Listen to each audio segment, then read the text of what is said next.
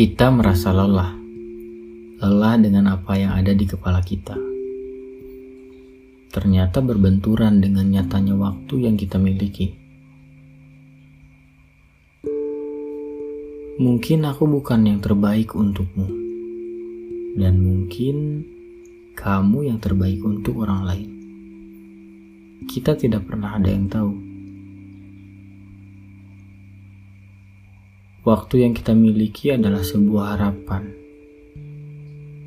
Panjang dan lamanya masa itu, kita sama-sama tidak pernah tahu. Tapi kita memilikinya.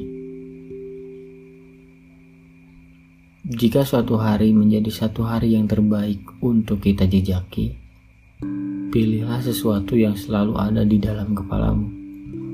Setidaknya, meski kenyataannya gagal, minimal kamu telah mencoba. Karena mencoba lebih mahal dibandingkan dengan diam saja.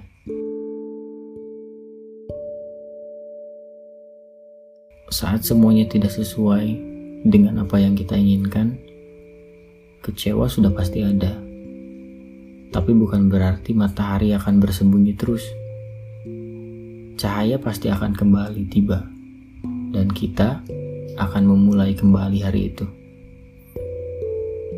Dan mungkin malam ini kamu akan tertidur pulas, meski di belakangmu sedang banyak Lego yang harus kamu susun.